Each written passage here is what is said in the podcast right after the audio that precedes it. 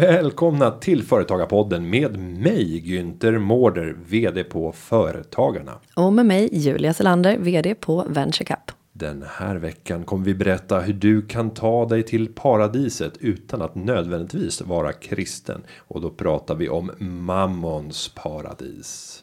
Vi kommer att titta vidare på att öka effektiviteten och jag kommer bland annat få lite smarta tips på hur man lär sig att delegera. Det kommer ni också få. Och vi kommer få ett spännande möte med en kvinna som är egenföretagare som ger sina tips och tricks för att spara tid. Och sen ska vi titta vidare på det här med negativ avtalsbindning. Är det en väg till strålande affärer eller är det egentligen ett giftpiller till dina kunder? Det här är Företagarpodden och vi säger varmt välkomna. Företagarna.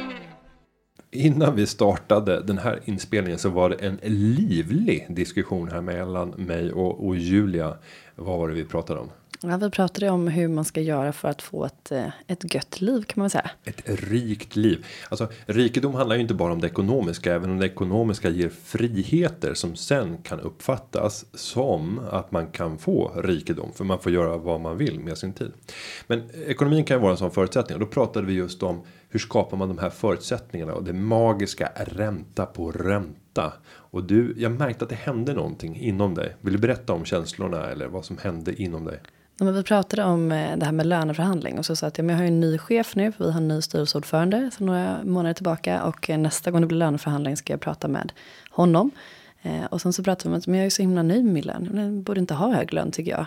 Och det tyckte ju du. Och så men, började ja, vi prata. Ja, det är en ganska dålig utgångspunkt. Alltså, jag, jag hatar i grunden nöjda människor. Jag vet. Vi pratar om det, bara, bara med hen. Ja, men ja, det håller jag ju med om. Jag- sig nöjd jag- och balans i livet. Mm, man vill alltid ha mer. Men jag tycker att det är okej att känna sig nöjd. ehm, I vissa tillfällen. Men så, Man kan vara prat- stolt. så pratade du om, ja, men vad tänker du med pension? Och så sa du det här med löneväxling. Eh, och där gick vi igång någonstans. Ja, för det är ju så att när man börjar bryta gränsen för att betala den, den sista graden av skatt. Alltså du har ju tre nivåer. Den första är ju ungefär 30% upp mot 35 i de värsta kommunerna i kommun och landstingsskatt. Sen har du den statliga skatten som är 20 procentenheter ovanpå det. Och sen sist av allt har du värnskatten, den förhatliga. eh, Allmänt, allmänt känd. Eh, Som är de sista 5 procenten. Ja. Och det gör ju att en person som bor i en kommun där du har en skattesats på 35% i kommun och landsting. Ja, då ligger man på över ja, 60% i, i skatt. Och det är inte så roligt att tjäna den där sista tusenlappen.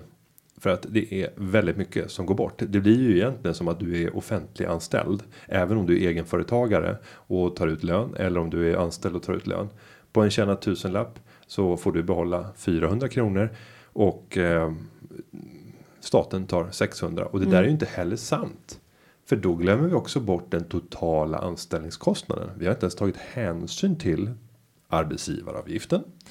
Som eh, också är- jag skulle vilja hitta ett annat namn för arbetsgivaravgiften för att den innehåller ju en hel del försäkringsmoment. Ja, men den innehåller betalningar till vår allmänna pension. Den innehåller inbetalningar till vårt socialförsäkringssystem så att vi får ett skydd. Men det är ju ganska snabbt som det där transformeras till att bli en ren extra skatt. För att du slår i taket när det gäller sjukpenninggrundande inkomst och när det gäller inbetalning till en allmänna pension. Så att allting ovanför den nivån när du passerar taket är ju en ren och skär extra skatt. För att det, du får ingenting extra för att du betalar in den där arbetsgivaravgiften. Vad skulle du vilja döpa den till då? Extra skatt? Ja, alltså belast. Ja, du har belastats med ytterligare extra eh, skatt. Ja, Någonting som gör att folk blir irriterade och får upp ögonen. Man har gjort lite undersökningar där man har ställt frågor kring eh, hur mycket kostar du i timmen? Där man har gått ut och, och frågat personer som uppbär anställning. Och nästan samtliga underskattar vad man som anställd kostar. För att man ser inte alla de här osynliga skatterna som för företagaren är helt uppenbar. Verkligen. Ehm, Men det vi kom in på var ju det här med löneväxling. Börjar man betala statlig inkomstskatt och framförallt den sista nivån, värnskatten. Ja, då är det börjar bli riktigt attraktivt att, att löneväxla. Och så tog vi ett exempel. Om man skulle löneväxla 5000 kronor över till en privat tjänstepensionsförsäkring. Kunna investera det fritt i eh, Eh, kanske gratis indexfonder, vilket är fullt möjligt. Så om vi tittar historiskt och inflationsjusterar så ligger vi på en avkastning som ligger kring 10%. Men om vi drar ner den förväntan och säger att ja, men vi lever i en annan tid nu och det kommer inte växa lika snabbt. Så vi drar ner det till 7% för att vara lite defensiva. Och det finns säkert många som kommer ha invändningar mot det här och om det vet vi ingenting. Vi vet att det i ett historiskt perspektiv är väldigt lågt.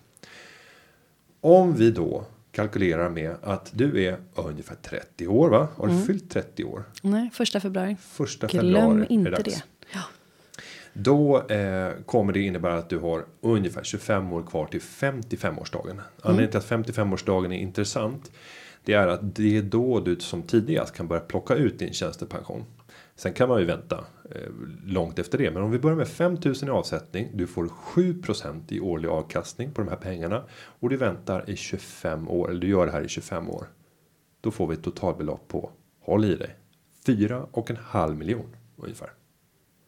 4,5 miljon. Det känns ju genast intressant tycker jag. Och det här ska ju då eh, sägas att det här är bara dina extra avsättningar utöver den allmänna pensionen som sen finns. Utöver den tjänstepension som har avsatts till dig normalt kopplat till din lön. Det här är en extra pension. Det här är grädde på moset. Lök, lök på laxen. En, Eh, en gammal, Grädden en på gammal chokladen. boost. Nej, och, och gör vi om det räkneexemplet och säger att vi väntar och slutar jobba tills vi är 70 år. Och det kanske är ännu mer sannolikt. Det skulle jag nog vilja säga i mitt fall, ja. Och då kommer den här summan att växa till 13,8 miljoner ungefär. Utöver allt annat. 13,8 sen kommer du ju ha en fantastisk tjänstepension ovanpå det. Den ordinarie. Sen kommer du ha en allmän pension där du har slagit i taket för allting. Jag menar för du har ju fått en inkomst där du hela tiden ligger ovanför gränsen för, för inbetalningar. Och sen pratade vi om att ja, men för den sakens skull, även om man då är pensionär så kan man ju också jobba. Ja, absolut, det kan du göra. Du kan, plocka, du kan börja plocka ut din pension och fortsätta jobba, driva eget, hitta på roliga grejer. Podden kommer ju fortsätta i minst 50 år till. Jajamensan. och ska, ska man nu och nu blir det lite gråzonen med lite så moraliska Men jag aspekter. älskar gråzonen, kör. Ja, men så här.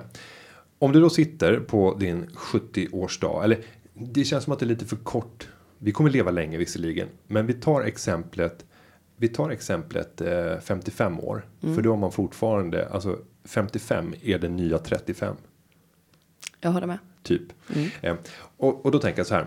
Vi sätter inte av 5000 per månad utan vi går all in. Alltså vi sätter av 10 000. Folk som har höga ersättningar tjänar bra där firman går fint eller man har, har en hög hög tjänst har den möjligheten normalt sett för man kan dra in på ganska stor eh, stort på levnadsomkostnaderna. Ja, då kan du dubbla den där summan om 4,5 eftersom du har satt av dubbelt så mycket pengar så då är vi uppe i 9 miljoner. De här 9 miljonerna plus den privata tjänstepensionen. Om du skulle flytta till Portugal. Där har du just nu 0% i skatt på tjänstepensionen. Inte på den allmänna pensionen. Men den kommer vara så liten i förhållande till den här stora tjänstepensionen. Så det spelar ingen roll. Och det, du kan ta ut de här pengarna under fem års tid. Så du måste bo där under fem år. Därefter kan du flytta tillbaka när du fyller 60. Har plockat ut dina 9,5 eller 9 miljoner skattefritt. Ovanpå det din vanliga tjänstepension som heller inte är dålig. Den kan vara lika mycket i flera fall. Och sen så är det ett ganska gött liv att komma hem och bara ja, jag har nu kommit hem med 9 kanske plus 9 miljoner. Eh, och sen så har man levt för den allmänna pensionen som beskattades eh, men med lägre skatt än vad det gjorde i Sverige. Men tänk att komma hem med 18 miljoner på fickan och är 60 år. Så bara, ja, vad ska vi göra nu då? Resten av livet. Vi kanske skulle testa på de där galna företagsidéerna som vi hade. Där det kanske inte är säkert att det finns en ekonomisk bärkraft att driva det här bolaget. Men jäklar vad skoj det skulle vara. De där företagsidéerna vi hade där 2017 i, I, po- juni. I podden. Nu är det dags att köra igång då. Nej, men det kanske är så ett glädjeföretagande. Ja, men såklart. Det handlar om som- att det här går inte att tjäna pengar på. Men det bidrar positivt till samhället. Eller det är någonting Eller det bidrar positivt människor- till min egen eh, uppfattning om att göra mig Välbefinnande. lycklig. Exakt. Jag driver en liten butik på Östermalm. Det går så mycket back. Typ. Ja, fast det, det är mer ädelt att säga att man gör någonting för mänskligheten än att driva sin Absolut. butik på Östermalm Men jag tror att det är mer vanligt förekommande att man tar någonting som man faktiskt tycker är kul och man skiter i. Ja. Träningen kanske går åt ett annat håll. Men fortsätt. Eh, nej, men jag, jag vill egentligen bara slå ett slag för att resonera lite grann långsiktigt. Jag vill att du som lyssnare funderar, gå in och räkna på det här. Du kan googla på miljonärskalkylator till exempel. Så finns det mängder av olika räkneverktyg där du kan se vad har ett sparande för betydelse. För varje tusenlapp du avsätter idag, vad kan du plocka ut om 20 år, om 30 år, om 40 år? Det är en magisk effekt och det kan skapa en fantastisk motivation. Verkligen. Du såg ju hur det började lysa i ögonen på Ja, mig. det började hända saker. Du Ja. såg konsumtionen på direkten. För du är ju Jag är ju slösad krona. slösad krona. Man måste ju spara för att slösa tyvärr. Och tvärtom skulle jag vilja påstå. Men jag ser genast mitt lilla, mi- min dröm om att driva ett hotell. Det ska jag göra när jag är pensionär. Gud vad härligt det ska bli. Och du berättade lite grann om hur du har gynnat företagandet här senaste veckan genom din konsumtion. Och vi är jätteglada för att du driver den ekonomiska tillväxten i Sverige. Mm. Men vad är det du har lagt dina pengar på? Du skulle inte säga någonting. Nej, men jag har varit, jag har varit på kalas. Eh, Jag har gynnat eh, verksamheten på, på Kungsholmen framförallt. För de hade gatfest där. Det var skoj. Eh, Där kunde man köpa både drycker och sen kunde man även köpa lustgasballonger. Lustgasballonger. Mm, har du provat det? Det kändes rimligt. Och var det för eh, gasen som sådan, helium, för att ha rolig röst? Eller var det för att ha rolig utsmyckning? Nej, men nej, nej, nej. Alltså inte helium utan lustgas. Ja, men nej, inte lust, lustgasballonger. Ja. För att bli fn- fnittrig. Ja, Sålde de sådana ballonger? ja det är helt lagligt. Ja, det, jag, jag Det är, mig. det är den nya trenden nu. Gunther. Men vad då står det någon gatuförsäljare och bara, jo, här var det lustgasballonger. Nej, det var ju väldigt mycket mer arrangerat än så. Men det var ju stora stånd med liksom öl och mat och hamburgare och allting. Och sen så var det ett stånd som var det mest, alltså utan tvekan mest populära. Där det stod, alltså man fick kriga sig fram för att få köpa ballonger. Tre för hundra. och sen så ska du andas in det där och bli lite fnissig. Mm. Och sen hade vi ett stort gäng med, med kompisar, så vi var kanske 15 pers. Men jag får ju alltid storhetsvansinne för jag tänker, vad ska jag annars lägga min lön på om inte ha kul? Och sen så är det så här, alla kommer tillbaka med en ballong var. Jag har tio ballonger hemma, vem vill ha? Ja, så att eh, jag, jag gynnar gärna Stockholms eh, nyhetsutbud. Åh herregud. Ja. Men jag vill säga, alltså å slösad kronas vägnar, jag har fått många nya trevliga bekantskaper. Som Ja. kommer att gynna mig, jag är helt säker på det. Investerat har jag gjort. Jag har inte fått så mycket nya bekantskaper under min spendingperiod den här veckan. Men jag har faktiskt varit ute och lättat på lädret. Det kunde alla som följer mig via Twitter se. Mm. Eh, bjöd ut frugan på eh, middag. Oj, så pass. Jajamensan. Mm. Så eh, vi passade på att eh, åka till Ikea klockan sju en eh, vardagkväll. Det här var på onsdagen. Eh, och dinerade. Men, till- vänta, vänta. Ni åt på Ikea, jag tror du skulle säga att ni åkte till Ikea och sen åkte ni till och så valfri trevlig inrättning. Nej, de har ju en mycket, mycket trevlig restaurang inkorporerad med varuhuset i Ikea. Till mycket fashionabla priser. Om man dessutom är Ikea Family-medlem så får du man bjöd dessutom. ut din fru på middag på Ikea. Hon fick välja precis Oj, vad hon oj, ville. oj, vilken grej. Fri påfyllnad av dryck. 10 kronor. Du får dricka hur mycket som helst. Vad gick det här kalaset på? Det låter dyrt. Det var dryga hundralappen. För båda. För båda. Mm. Och jag tog ju den största rätten av dem alla. Mega köttbullar. Alltså det, det får inte ens plats på en tallrik. De får lägga upp moset separat. Alltså är du en sån tallrik. person som då också funderar tanken om du inte orkar äta upp att du kanske ska ta med de fem sista köttbullarna hem? Det skulle inte hända att jag inte åt upp. Men om så var Okej. fallet, hypotetiskt. Om det var buffé så hade jag säkert lagt upp. Om, det, om jag var där på julbordet så skulle Ja. jag säkert frågat efter en plastpåse. Eller kanske gått och köpt plastpåsar på Ikea. Och bara hällt ner det i. Eh, och där kan man ju köra i mixen sen för att få barnmat. Nej men sluta nu. Jo men om du separerar, du kanske inte ska blanda sill och, och Jansson och, och potatis och, och prinskorv i ett. Utan du portionerar i påsar som du sen kör med stavmixen. Men att det är någon form av välavvägd balans. Sen måste du ha vatten i. Ofta så blir det en ganska tjock gröt när du mixar. Så du måste ha vatten eller någon typ av buljong eller liknande för att göra det mer fluffigt och lätt för ett barn att, att smälta. Nej, nu känner jag så här. Du måste faktiskt bjuda över mig till eh, Styrsa i sommar så jag får umgås lite med din fru. Jag måste ta reda på vem, vem den här kvinnan är. Hur orkar hon leva med det här? Nej, men det, det, det, har sina fördelar. Eh, Ja, jo, det är jag helt övertygad om. Men alltså. det, man ska inte förringa fördelarna. Nej, nej, nej. Jag menar inte på något nedsättande. Jag är genuint eh, intresserad och nyfiken. Jag känner att jag har mycket att lära och eh, tvärtom. Men eh, spännande. Mm. Okej, Ikea. Men ja, vi, vi pratade lite sen också om att ja, men, om vi ska titta på någon slags veckoreflektion. Mm. Jag håller ju på och eh, när det här sänds så har vi precis varit på vår kickoff för vänskap. Mm. Och eh, det älskar jag. Alltså det, det roligaste med mitt jobb är att jag får ha kul hela tiden i princip. 90 procent i alla fall. Eh, och det är väldigt roligt att leka. Men jag inser ju nu att det här kanske inte är mitt primära uppdrag som vd. Att jag ska strukturera, planera och genomföra hela kickoffen. Det kunde jag ha delegerat. Men, Det är rimligt att göra. men ingen, knappt någon vet vart vi ska eller vad vi ska göra. Och det tycker jag är härligt. Jag har ju den makten nu då. Fast är inte det ännu härligare om du som vd vet att personalen har arrangerat och du vet inte vad som ska hända. Så är det för mitt vidkommande. Vi ska ha sommarfest för, för eh, personalen och eh, då är allting delegerat. Jag har inte någon aning om vad som ska hända, vad vi ska göra, hur det kommer vara upplagt. Ingenting. Men du ser alltid till att vinna tävlingen ändå. Ja, och det där, det där har blivit ett, eh, ett samtalsämne här.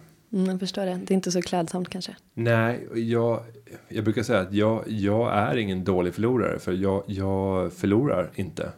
Så att jag vet inte hur jag är så jag kan inte säga att jag är en dålig förlorare.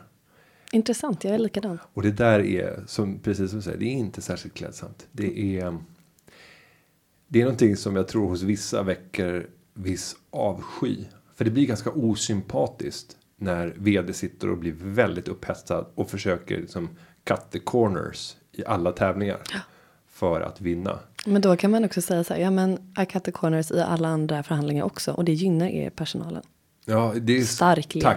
Tack, tack. Där fick, du, där fick jag argumentet. Nej, men i senaste, eh, på senaste AWn här på kontoret så eh, la jag mig medvetet. Nej men vänta, och så, och så, måste du berätta och så det. Kom så jag, för och, så, och så kom jag sist istället. Bara för att visa att. du, du framstår ju som en odräglig person här. Men jag, Ja. men jag blir inte tävlingsjävel och jag, och jag, vet, att du också är jag det. vet det. Nej, men du och jag borde ju tävla i någonting. Ja. Vad som helst. Det. Låt oss göra det. Femkamp på Liseberg. Eh, Men, men eh, just det här med din, din kickoff. Varför har du tagit på dig att arrangera allting själv? För det är väldigt lätt när man leder en verksamhet. Mm. Att bara säga att det där fixar jag. Det är jag som ansvarar för verksamheten. Jag fixar. Det Mm. löser jag. Och sen blir det en helt inhemul arbetsmängd. Jag tror att många företagare känner igen sig Mm. i det. Um.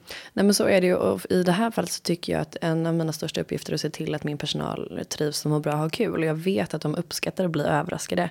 Och hoppas jag tycker att det är lite roligt att jag ändå ja, anstränger mig för den. När det gäller sådana här saker. Så då går jag igång på det.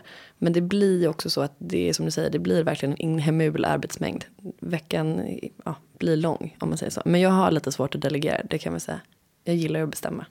Nej, och, där tror jag att det är viktigt att ha lite övningar. Får jag ge dig lite tips och tricks som jag har använt? Eh, Delegeringsmässigt. Ja, för jag, jag, Mm, jag bedömer att jag har eh, blivit, eh, eh, vad ska man säga, mer bättre på att delegera än vad som egentligen är, är både lämpligt och bra.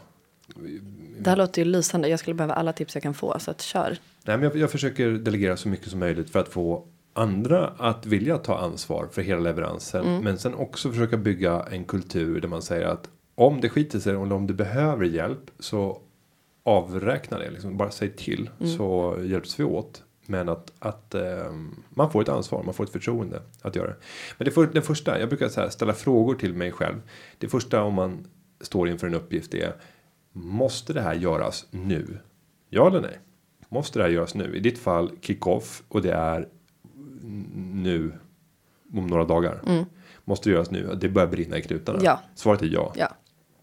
Eh, och om det inte är det, om du säger nej, ja då får man börja titta på när måste det göras och sen faktiskt lägga in en tid då man måste gå igenom samma process igen för att se vad är det vi ska göra. Nästa sak om du har sagt ja, det måste göras nu, då kommer frågan måste det göras av mig? Nej, i det här fallet. Nej, och sen så får man bedöma konsekvenser, positiva och negativa aspekter med att jag skulle ge över till någon annan. Och så får man resonera utifrån det och kanske fatta ett beslut. Om svaret är att det måste göras av dig. Då får man titta, okej. då får jag planera in det. Då måste man sätta i någon form av kontext. Vad får det för konsekvenser om jag inte levererar här på en viss tid? För att sätta upp det på en tidsaxel. Och vilka konsekvenser får det för andra eller drabbar det bara mig själv? Och är det någonting som drabbar andra och det är av avgörande betydelse. Ja men då är det bara sättas ner, kör. Det finns liksom ingen ursäkt. Men i nästan alla lägen så finns det någon annan som kan bistå, som kan vara med i processen, som kan hjälpa till avlasta. Eh, och då tvingar man sig till att faktiskt resonera kring de här frågorna. Så att ställa de frågorna. Sen så brukar jag ibland rita upp en, eh, ja du kan egentligen ha en, en fyrfältare där du tittar på hur, eh, hur svår eller lätt är den här uppgiften på ena axeln. Och hur viktig eller oviktig är uppgiften när vi tittar på vilken impact det här arbetet kommer ha på andra eller på organisationen eller vad det nu vi jobbar med. Och då får du ju ett fält som är väldigt svåra uppgifter som är väldigt viktiga. Och det är klart att det är rätt tufft att bara kasta sig in och ta tag i dem. Men det finns ju en annan kategori som är väldigt lätta men viktiga uppgifter. Mm, man börjar med dem för att komma igång. Ja, där tycker jag. För där får man självförtroende. När- En lätt uppgift som har stor impact. Eh, som är viktig. Där börjar jag. Och sen så kan man knalla upp och beta av. Någon svår som också är viktig. Sen så är hela kategorin lätt och oviktig. Ja, där ska man ju bara ställa sig frågan. Varför gör vi det här? Ta upp frågan med styrelsen eller med dina anställda. Och bara kan vi inte bara strunta i det här? Det här känns inte viktigt. Varför måste vi göra det här? Och sen har du ju kategorin svårt och oviktigt. Ja, men den känns ju som att den kan man ta beslut om att stryka i många fall. Jo, men det är inte sällan som man lägger rätt mycket tid. Om du tittar på så här teoretiska företagare så har jag mött många och du måste också ha gjort det när det gäller affärsplaner. Där de sitter in absurdum och torrsimmar genom att göra djupa affärsplaner. När det i själva verket är så här, ja men har du gått ut och testat? Har, du Men- gått, har du gått ut och bara frågat en potentiell kund vad de vill ha? Men gud, de sitter ju med svaret på, på vad du ska göra. Du behöver inte sitta och gissa. Du behöver inte måla en karta över någonting som kommer ändras när du frågar din första kund. Nej. Men det är en typisk sån uppgift. Den är svår. Det är extremt svårt att sitta och göra en sån här avancerad affärsplan. Men den är väldigt oviktig. Jag skulle vilja säga att det är ju hela Venturecaps senaste tio år ett nötskal. Att gå från en pappersaffärsplan till att titta på, okej men finns det någon som vill använda det som du skapar? Så att ja, ja absolut. Så det är, Men tack för tips. Då ska jag istället, men jag måste också säga, använder du några sådana här eh, to-do-program på något sätt? Eller hur, hur? ja, jag, jag använder ett to-do-program som heter Gynturn. Ah, jättebra Ja, program. det är Ja, ett otroligt bra program. Ja, men- Som bara lägger in automatiskt exakt vad jag ska göra varje ledig stund som finns i kalendern. men du kommer ju också till jobbet och, och veta inte vad du ska göra ofta. Jo, alltså det, det är ju rigoröst inplanerat. Så att jag vet ju nästan varje minutintervall. Tar vi nu idag så tror jag att det finns någon lucka på 30 minuter. Där det inte finns någonting i kalendern. Då får du gå och sköta magen. Eh, ja, den kommer säkert kurra här. Vi ska säkert få i oss någonting.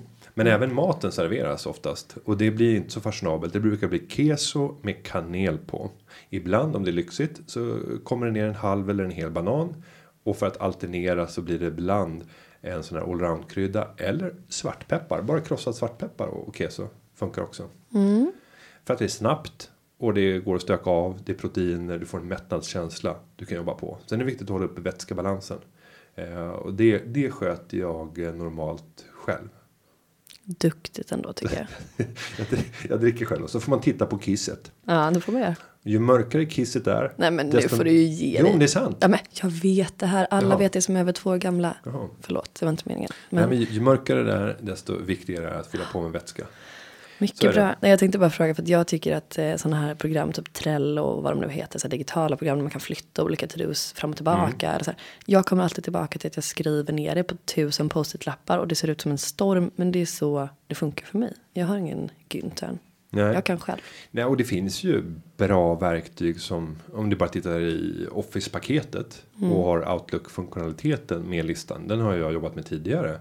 Den är ju väldigt effektiv på många sätt och vis. Där du får sätta in prioriteringar och sen så skjuter den in och säger och larmar när den ska. Jag gillar inte att någon annan bestämmer över mig. Jag vill kunna flytta mina egna ursäkta språket, fucking post-it-lappar när det passar mig. Mm. Det, jag, jag känner mig lite trotsig. Eh, men jag vet, jag vet att det finns där. Mm, Okej, okay, men jag får, jag får titta på de här olika parametrarna med lätt och svårt och eh, om jag borde göra och så, och så vidare inte. Men eh, se fram emot kickoffen. Kommer bli grym. Ja, du får återrapportera Mm, hur det gick. Det ska jag göra.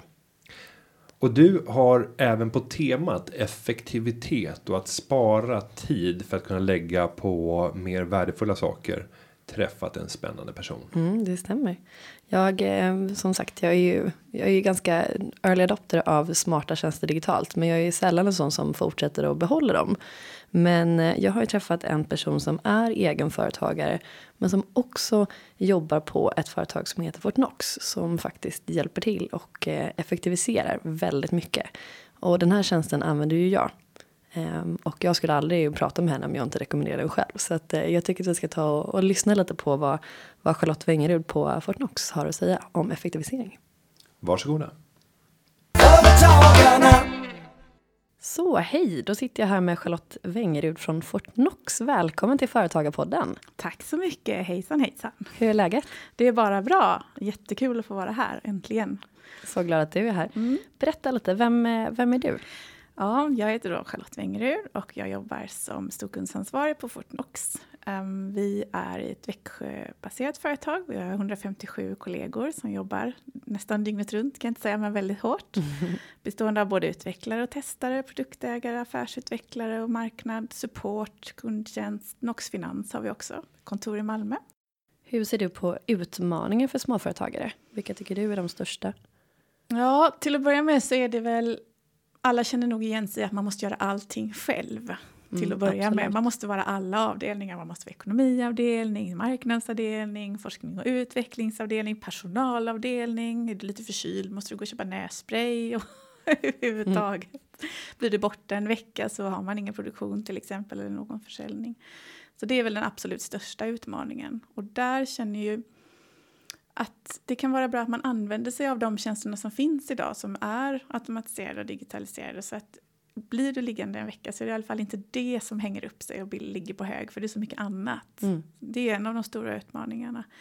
Också att göra rätt, att följa alla lagar och regler. Vi har ju ett fantastiskt företagsklimat i Sverige som man kan tycka både det ena och det andra om. Men det finns ju en uppsjö av lagar och regler i alla fall. Det är ju inte bara en momslag eller en skattelag utan det är ju rätt mycket att hålla reda på. Eh, Så Verkligen. det är också en utmaning att känna att våga komma över den tröskeln. Att våga känna, förlita sig på att ja, men jag gör rätt, jag gör det här i alla fall jag gör så gott jag kan. Så att det är väl en utmaning. Sen den absolut största utmaningen för kanske vara småföretagare eller enmansföretagare och det är ju det som Sverige består av idag. Det är ju att få betalt i tid av sina kunder, att våga göra affär helt enkelt. Att eh, vara likvid, att veta att eh, mina affärer fungerar Mm. och att jag kan känna mig trygg och säker i det. Ja, för det är någonting som man kanske glömmer bort när man Mm. går i tankarna på i alla fall starta ett Mm. företag. Att det här är ju saker som tar tid och är viktigt att det blir rätt. Men också att man känner att det ska inte vara ett hinder för att man ska kunna bedriva sin verksamhet. Nej, och så inte just att känna det här liksom rocket science-känslan av att, och det är så mycket att ta in så jag vågar inte, det, jag kommer inte klara av det här, utan är du kund hos Fortnox och väljer att arbeta med företagarnas nya redovisningssystem så ska man ju känna att jag, man kan börja i liten skala, man tar det i den tiden som man själv har, man börjar med det som man har behov av och sen så kan man bygga på allt eftersom. Så att jag anser ju att vi är otroligt lätt, lättarbetat och lätt att förstå. Mm. Och vi har ju också en egen Youtube-kanal med tusentals med filmer. Så att man behöver faktiskt inte läsa ett enda ord, man kan bara titta på film om man känner för det. Digitalt och modernt ända ut i fingerspetsarna. Absolut. Men du Charlotte, hur, på vilket sätt kan Fortnox då stötta och hjälpa småföretagare? Ja, precis. För att återkoppla till utmaningarna som vi precis nämnde då så är ju Fortnox är ju att vi alltid ger alla våra kunder och det senaste i alla våra program. Det vill säga det är lätt att hålla ordning på alla lagar och regler. Man kan slappna av i det för vi ser till att det finns hos oss hela tiden och rullar. Ehm, och sen också det att man kan börja i liten skala så som vi sa att man måste göra allting själv till att börja med, kanske eventuellt. Och då är det ju också så skönt att man inte behöver köpa ett jättestort system och så ska man leka Volvo eller Skanska och förstå sig på massa saker utan man kanske bara börjar med att ja, men jag vill fota mina kvitton, mina utlägg som jag har i alla fall och få in dem i datorn. Och då kan man börja på det på ett enkelt sätt. Sen kanske man till och med får en kund, sin första kund, om man vill börja skicka sin första faktura. Så att man bygger på allt eftersom. Vilket gör att vi känner att där stöttar vi den lilla företagaren. Och också om man är ny eller en befintlig företagare överhuvudtaget. Att man behöver bara precis använda sig av det som man har ett behov av. Och inte köpa något jättestort system som man känner sig överväldigad eller snurrar runt i och klickar överallt och inte riktigt vet var man är någonstans. Sen är ju vi en helt öppen plattform och vad menar jag med det? Jo, det är ju att till exempel om man är i behov av en e-shop eller lagersystem eller en tidsredovisning eller man kanske vill jobba med iSet eller, eller Swish eller någon annan integratör heter det som vi kallar för koppling och det är ju företag som, som erbjuder andra tjänster som man då och låta programmen prata med varandra. Och det är vi helt unika i att vi har en öppen plattform så vi har ju över tusen samarbeten idag. Um, vilket gör att man, man kan själv välja att skräddarsy sina egna funktioner som man behöver för sitt speciella företag. Och det tror vi är en väldigt stor förenkling i utmaningen att vara företagare idag. För du behöver hänga med, du behöver vara uppe i molnet, du behöver synas och finnas och arbeta i väldigt specifika kanaler utifrån vilken bransch du är i till exempel. Coolt. Och du jobbar ju inte bara på Fortnox utan du har också drivit eget företag länge. Absolut, ända sedan jag var 19. Så spännande, det mm. älskar vi på Företagarpodden. Ja, har du några tips då på hur man kan tänka för att arbeta smart? Ja, det är ju det här att inte göra allting själv. Att lite, inte släppa kontrollen, men att inse att det finns hjälpmedel idag, verktyg, som underlättar otroligt mycket för oss.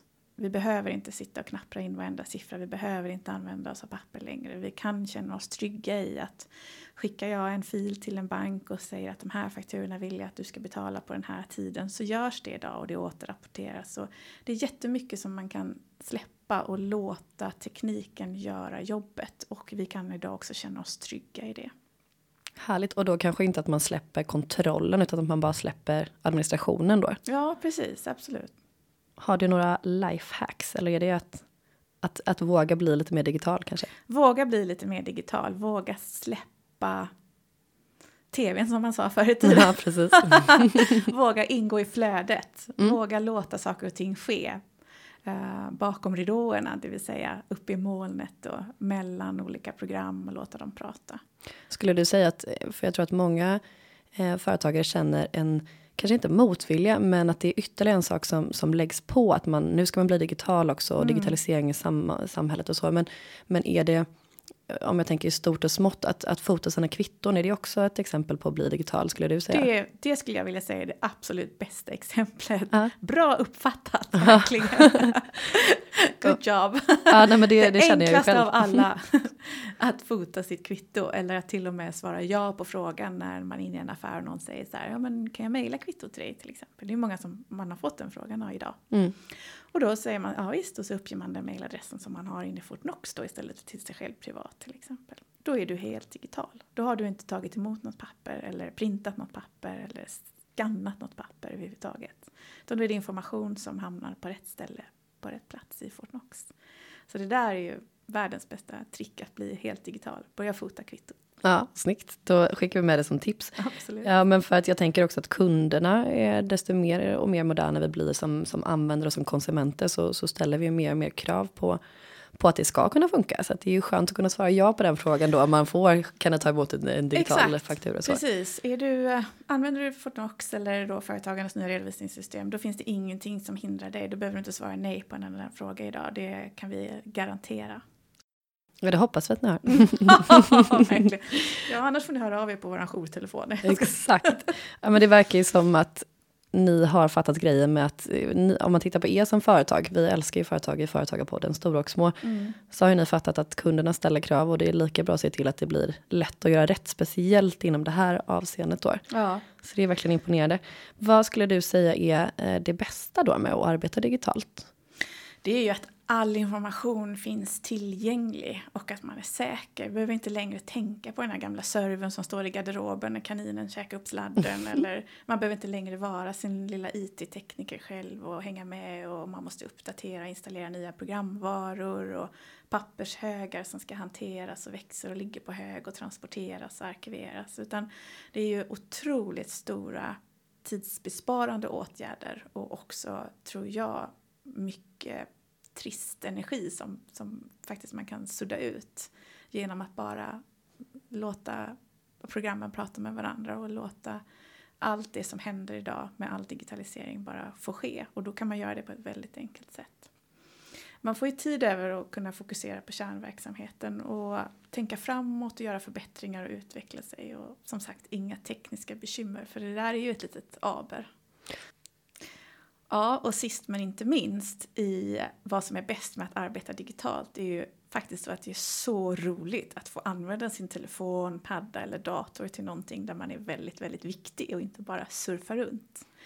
Och sen också att visa för banker, investerare, sin personal, sina kunder, sina leverantörer att man är något att räkna med. För man är modern och man hänger med och man gör rätt och man är säker och man är trygg. Och såklart alldeles, alldeles ypperlig företagare då. Härligt! Med de orden så säger vi stort tack till Charlotte Wengerud från Fortnox som har kommit hit idag. Tack! Tack! Och där är vi tillbaka.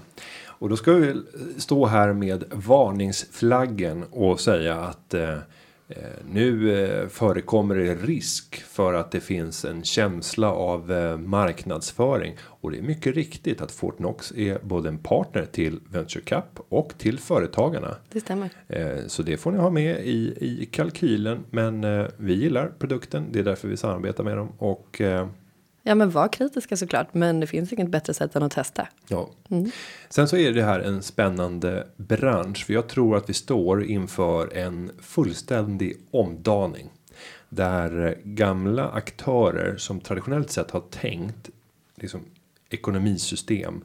Man tänker löpande bokföring i ett datorprogram. Mm.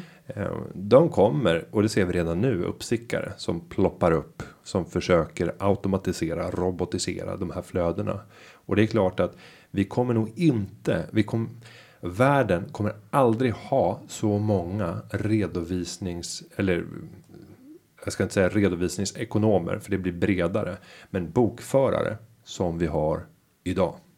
Jag tror att antalet, det, det, kan ta ytterligare något år innan det toppar. Men sen kommer det börja dala. För att allt mer kommer att automatiseras. Och här kommer det utkristalliseras. Vilka av de här aktörerna, av de gamla traditionella aktörerna som varit med länge, kan den här branschen klara av det skiftet? Och vilka nya är det som kan utmana? Och vad händer med dem? Kommer de att köpas upp av de gamla jättarna? Eller kommer de att vinna mark och bli någonting nytt, det nya stora framöver? Det här ska bli jättespännande att följa. Verkligen. Jag ser fram emot att det ska finnas en, en möjlighet för mig att slippa prassla med kvitton varje månad. Det känns ju otroligt omodernt. Ja, allting sker ju idag med någon form av elektroniskt fotspår. Mm. Och därmed så borde allting kunna automatiseras. Det här behöver, det är så självklara grejer, men det, det känns ändå som att det, vi ligger lite efter. Ja, men många, många har kommit långt av de nya aktörerna, men eh, det återstår nog väldigt mycket kalibrering och sen så är det hela den här eh, invändningsprocessen. Jag brukar alltid säga att det, det tar eh, i början mycket längre tid än man tror innan någonting nytt etablerar sig. Men när det väl etableras så går hastigheten långt mycket snabbare mm. när det gäller spridningen av det. Ta till exempel IT-yran är ett typiskt exempel. Mm. Det många satsade på och de här IT-entreprenörerna i slutet på 90-talet. Ja, det var egentligen saker som var före sin tid. Hade de gjort samma satsningar år 2007 istället för 1997 så hade många av dem flugit. Mm. Men istället så fick de uppleva att bara få en rejäl smäll och ner på asfalten och sen bli utbuade för att sen ja, tio år senare kunna komma tillbaka och vi ser extremt framgångsrika företag. Så tajmingen går, inte, timingen går inte nog att, att uttrycka. Mm. Företagarpodden mm. är ju en podd som styrs av dig som lyssnare. Du kan interagera. Det är du som skickar in frågor via hashtag företagarpodden på Twitter och på Instagram. Men även använder formuläret om du har en längre fråga på företagarpodden.se. Och det har kommit in några frågor som vi tänkte besvara. Julia, vill du läsa den första? Det vill jag hemskt gärna. Vi ska börja med en fråga här från Jakob i Kalmar. Han skriver så här. Hej, jag har gått hos en privat tandläkare och gjort ett estet en estetisk behandling som avslutades för cirka ett år sedan. Efter behandlingen har kliniken bytt ägare och jag ligger kvar i kundregistret. Nu har den nya ägaren skickat ut en tid för undersökning till mig. Men med noteringen att det kommer att debiteras om jag uteblir. Fråga. Är jag skyldig att betala om jag uteblir från något jag inte själv har bokat? Jag ska givetvis avboka tiden för att inte strula till det, men jag är nyfiken. Tack för en bra podd. Hälsar Jakob. Mm. Ja, det här är inte ovanligt och det gäller inte bara när det gäller tandläkare utan det är många eh, av den här typen av tjänsteförsäljare, tjänsteföretagare som har någon typ av regelbundenhet och automatiska kallningar och med avgifter för att eh, avboka. Och det första man kan nämna det är ordet negativ avtalsbindning. Att ett avtal träder i kraft om man inte har sagt någonting annat. Och det finns inte. Du får inte eh, göra ett sånt avtal utan det måste finnas någonting som har reglerat att den här kliniken har rätt att faktiskt kalla dig och också ta ut en avgift om du inte skulle dyka upp. Sen spelar det ingen roll om, om ägaren har bytts. Det har ingen som helst betydelse för att du har haft ett förhållande med den juridiska personen, företaget. Eh, Däremot om det är ett nytt organisationsnummer. Ja, nej, men det beror ju på om de har sålt inkråmet. Om du har sålt inkråmet, alltså hela verksamheten, ja då inkluderas ju alla kundrelationer och alla de avtal som finns ingångna. Så att i de flesta fall så står det inte och faller på den punkten. Utan det faller kanske på punkten att det inte finns något avtal. Så jag skulle av ren nyfikenhet nu med risk för att uppfattas som en, en rättshaverist kanske ringa upp till den stackars personen som sitter i receptionen och svarar på telefonen eh, och ställa frågan. Jag skulle väldigt gärna vilja ha det avtal som jag har ingått med er som ger er rätten att skicka en kallelse till mig och även ta ut en avgift för om jag inte skulle dyka upp den tiden. Eh, vill ni bara skicka över det avtalet som vi har ingått? Tack. Och jag är inte helt säker på att alla kliniker av det här slaget oavsett om det är tandläkare eller annat eh, kan göra det. Man har nog slarvat på den här punkten. I vissa fall så finns det nog någon form av nykundsavtal som man i det läget inte tänker på.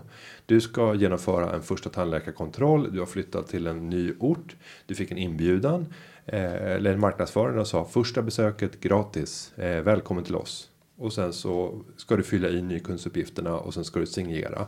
Och till det så står det villkor enligt bilaga och bilagan finns där bredvid. Fri, fri för dig att läsa, men du bryr dig inte om om det. Ungefär som när du uppdaterar din smarta telefon. Och så bara, nu kommer ett nytt eh, ny uppdatering av operativsystemet. Eh, acceptera. Så, Ingår man och säljer avtalet. sin själ. Ja. Skulle man ta det där avtalet skulle du förmodligen behöva ägna 13 månader för att läsa igenom all text om vi skulle ta iOS till exempel på en Apple-enhet. Så att, eh, ja. Men det är väl ett jättesmart tips att, att be och ringa upp för att man, man skrämmer dem lite och det är bra. Men om vi vänder på frågan till eh, den här egenföretagaren som har gjort det här så är det ett smart trix för vissa går ju säkert att bli kunder igen fastän de inte hade tänkt. Så det är en, det är en liten gråzon här också. Ja, absolut. Där får man hela tiden göra den där avvägningen. Hur mycket skadar det här min kundrelation?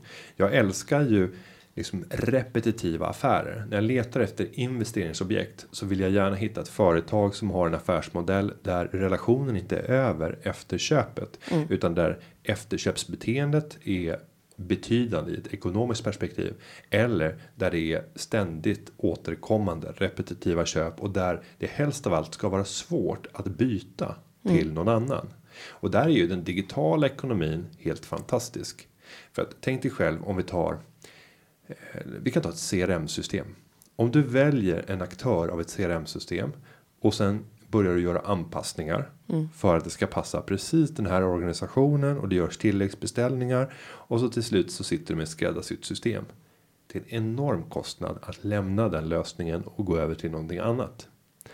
Och därmed så kan man som aktör vara väldigt, eh, jag ska inte säga generös för det är precis tvärtom. Man, man kan vara väldigt aggressiv i sin prissättning efter ett tag.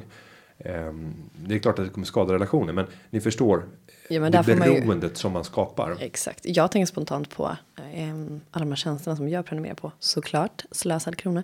Eh, jag kan ju tänka mig att du inte har Spotify exempelvis. Eh, jag har Spotify lite då och då. Och eh, fördelen med det, det är att det ofta kommer återkomstkundserbjudande. Eh, så att jag brukar titta på eh, liksom att hela tiden säga upp för att sen köra med reklam. Och nu är det så här att nu har min betalning gått ut på Spotify. Men de spelar inte reklam utan det kommer bara påminnelser där den säger så här. Whoops, det någonting har gått fel med betalningen. Eh, och en positiv sak för dig som råkar signa upp dig med ditt kort på massa konstiga eh, abonnemangstjänster, framförallt digitalt, där det dras saker automatiskt från ett kort. Det är att bara klippa kortet lite då och då och ringa till din bank och säga ja, du, det behöver inte säga. Du kan säga så här. Jag behöver ett nytt kort. Kan ni skicka det? Och det brukar inte kosta några pengar. När du har fått det nya kortet så klipper du det gamla. Det nya kortet har ett nytt nummer. Och det gör att alla gamla och den har en ny CCV-kod. Det kanske inte, nej det behöver inte ha. CVC, CCV, en ny kod. Förlåt, besserwisser. Ja. Mm. Eh, så att gamla betalningar kommer inte att gå igenom sådana autobetalningar. Och då kommer Netflix eller HBO eller Spotify eller vad du nu har signat upp på. Där kommer det avbrytas. Och då måste man ta ställning igen. Är det här verkligen någonting som jag behöver? Och ganska snabbt så sitter man med saker som man inte konsumerar. När det bara dras pengar eftersom du inte ser det. Så uppmärksammar du det inte. Sen får de här nykundserbjudandena. Om du tar HBO och Netflix så kan man ju bara växeldra. Det man säger att jag kör en månad med HBO, sen säger jag upp. Och så ser jag vad jag fått för erbjudande från Netflix nu för att återkomma. Hoppa på det erbjudandet. Du får gratis eh, en månad om du tecknar på tills vidare. Ja, du gör det. Säger upp det. Hoppar tillbaka. Och växeldrar hela tiden. Eller så Och sätter man i system och- variation. Ja men såklart. Eller så sätter man i system och skapar en, en ny mailadress varje månad. Det kan man också göra. En ny kund. Ja, ja, ja, precis. Men de är väl smartare än bara en mailadress eller? Tar man inte in mer Mm. Jo, kunduppgifter? just det, jo, det är sant. På de här betal jo, de har, de har börjat med det ganska nyligen. Att de också tar kreditkortsuppgifterna såklart. Även om du inte betalar första månaden. För annars hade man ju såklart bara tagit gratis. Ja, Nej, men jag menar det för mig är det samma sak. Att jag, de, de playlisten som jag har skapat genom år och år och år av Spotify. försvinner inte bara för att du inte betalar. De ligger latent och väntar på dig. Men jag, Jajamensan, jag kan visa. Jag ska visa dig min icke betal Spotify där jag har byggt upp listor sen jag vet inte 2008 eller 2007 eller när var det kom. Jag vet inte. mm, typ 2007 känns som. Men gud vad spännande. Jag vill höra din musiksmak. Och sen känner jag så här. Till syvende och sist. Det kanske mest är så att jag vill inte vara en person som inte betalar på Spotify. Det kan finnas en sån aspekt. Absolut. Vi låter det vara Men jag menar, du betalar ju även genom att lyssna på reklam. Menar, tänker du så på en Ja, jo det är sant. TV4? Jag Du- kollar inte på tv. Nej, men du förstår principen. Det gör jag. Eller om du läser Metro. Du betalar genom din uppmärksamhet. Du kanske använder Google. Mm, Vad är det för någonting?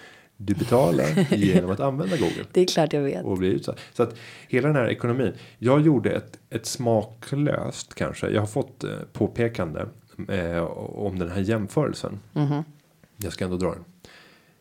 Jag tittar tillbaka historiskt. Går vi tillbaka och tittar på 1700 och 1800-tal. Så var det vanligt att man handlade med människor. Och då pratar vi Ja. inte sexuella tjänster utan vi pratar slavhandeln. Eh, Ett vidrigt sätt som tack och lov har upphört i i princip hela världen. Skulle jag hävda. Även om det finns slavliknande faktiskt förhållanden på i eh, många länder. Även utvecklad ekonomi. Det räcker med att åka till Dubai. Så kan du förstå att många jobbar under slavliknande förhållanden. Trots att det är extremt. Alltså hela staden är extremt välutvecklad. Men under ytan så finns det. Men det jag vill komma till. Det är. Egentligen så har vi samma sak idag. Den är inte alls lika vidrig på det sättet. Men idag handlar vi. Och det var ju ett auktionsförfarande när man handlar med slaven. Det var en auktion. Man tittade på den här personen. Titta här en reslig. Reslig karl som har stark, stor styrka. Han är lång. Kan säkert användas till mycket. Och så började man köpslå. Eh, och oftast så var det vita europeer eller amerikaner som köpslog om afrikanska. Eh, afrikanska herrar som kunde vara liksom arbetsamma. Det auktionsförfarandet, om vi tar det till vår värld. Det är ju de aktioner som pågår på Google. Eh, och inga liknelser i övrigt. Men där det faktiskt pågår ett auktionsförfarande om människors uppmärksamhet. Jag kan köpa din hjärna. Din uppmärksamhet. Och det är ett auktionsförfarande. Ju fler som vill köpa den här din uppmärksamhet, din hjärna. Desto dyrare kommer de här sökorden. Eller de här positioneringarna av budskapen att bli. Även om du använder Facebook eller Instagram och köper marknadsföring. Allting prissätts och det är auktionsförfaranden som avsätt, av, eh, avgör prissättningen. Men du betalar ju också med din tid och med dina uppgifter genom att söka. Ja, ja, och på motsvarande sätt som människan i det här fallet blev livegen. Så där skiljer sig jämförelsen. Men här betalar du också. Vi har gått från ett samhälle där våra kroppar och vad vi kunde åstadkomma med händerna var det som skapade värden. Det som i den nya ekonomin som vi lever i idag skapar värde. Det är oftast vad som finns, finns bakom pannbenet. Och, och därav så är det samma valuta, alltså det som kan åstadkomma värde. Det är det vi sitter och handlar med. Och nu sitter vi och handlar med din hjärna. Det är din hjärna som inte sa det. Men jag hoppas att vår kära lyssnare som heter Jakob i Kalmar har fått svar på sin av negativa vara- avtalsbindning. Kan det vara svarsrekord kanske? Helt spårat. Ja. Helt spårat. Men eh, ja, bra. Tack för en bra fråga. Med det Julia är det dags att avsluta dagens avsnitt. Det är Eh, det. Alltid lika trevligt att få möta er lyssnare så här i etern och vi säger att det här avsnittet har klippts av Linda Aunan Edvall. Vi hörs nästa vecka. Det gör vi. Glöm inte att ställa frågor. Vi vill höra och svara på era frågor. Yes, Ha det bra. Hej då. företagarna. Na, na, na, na, na,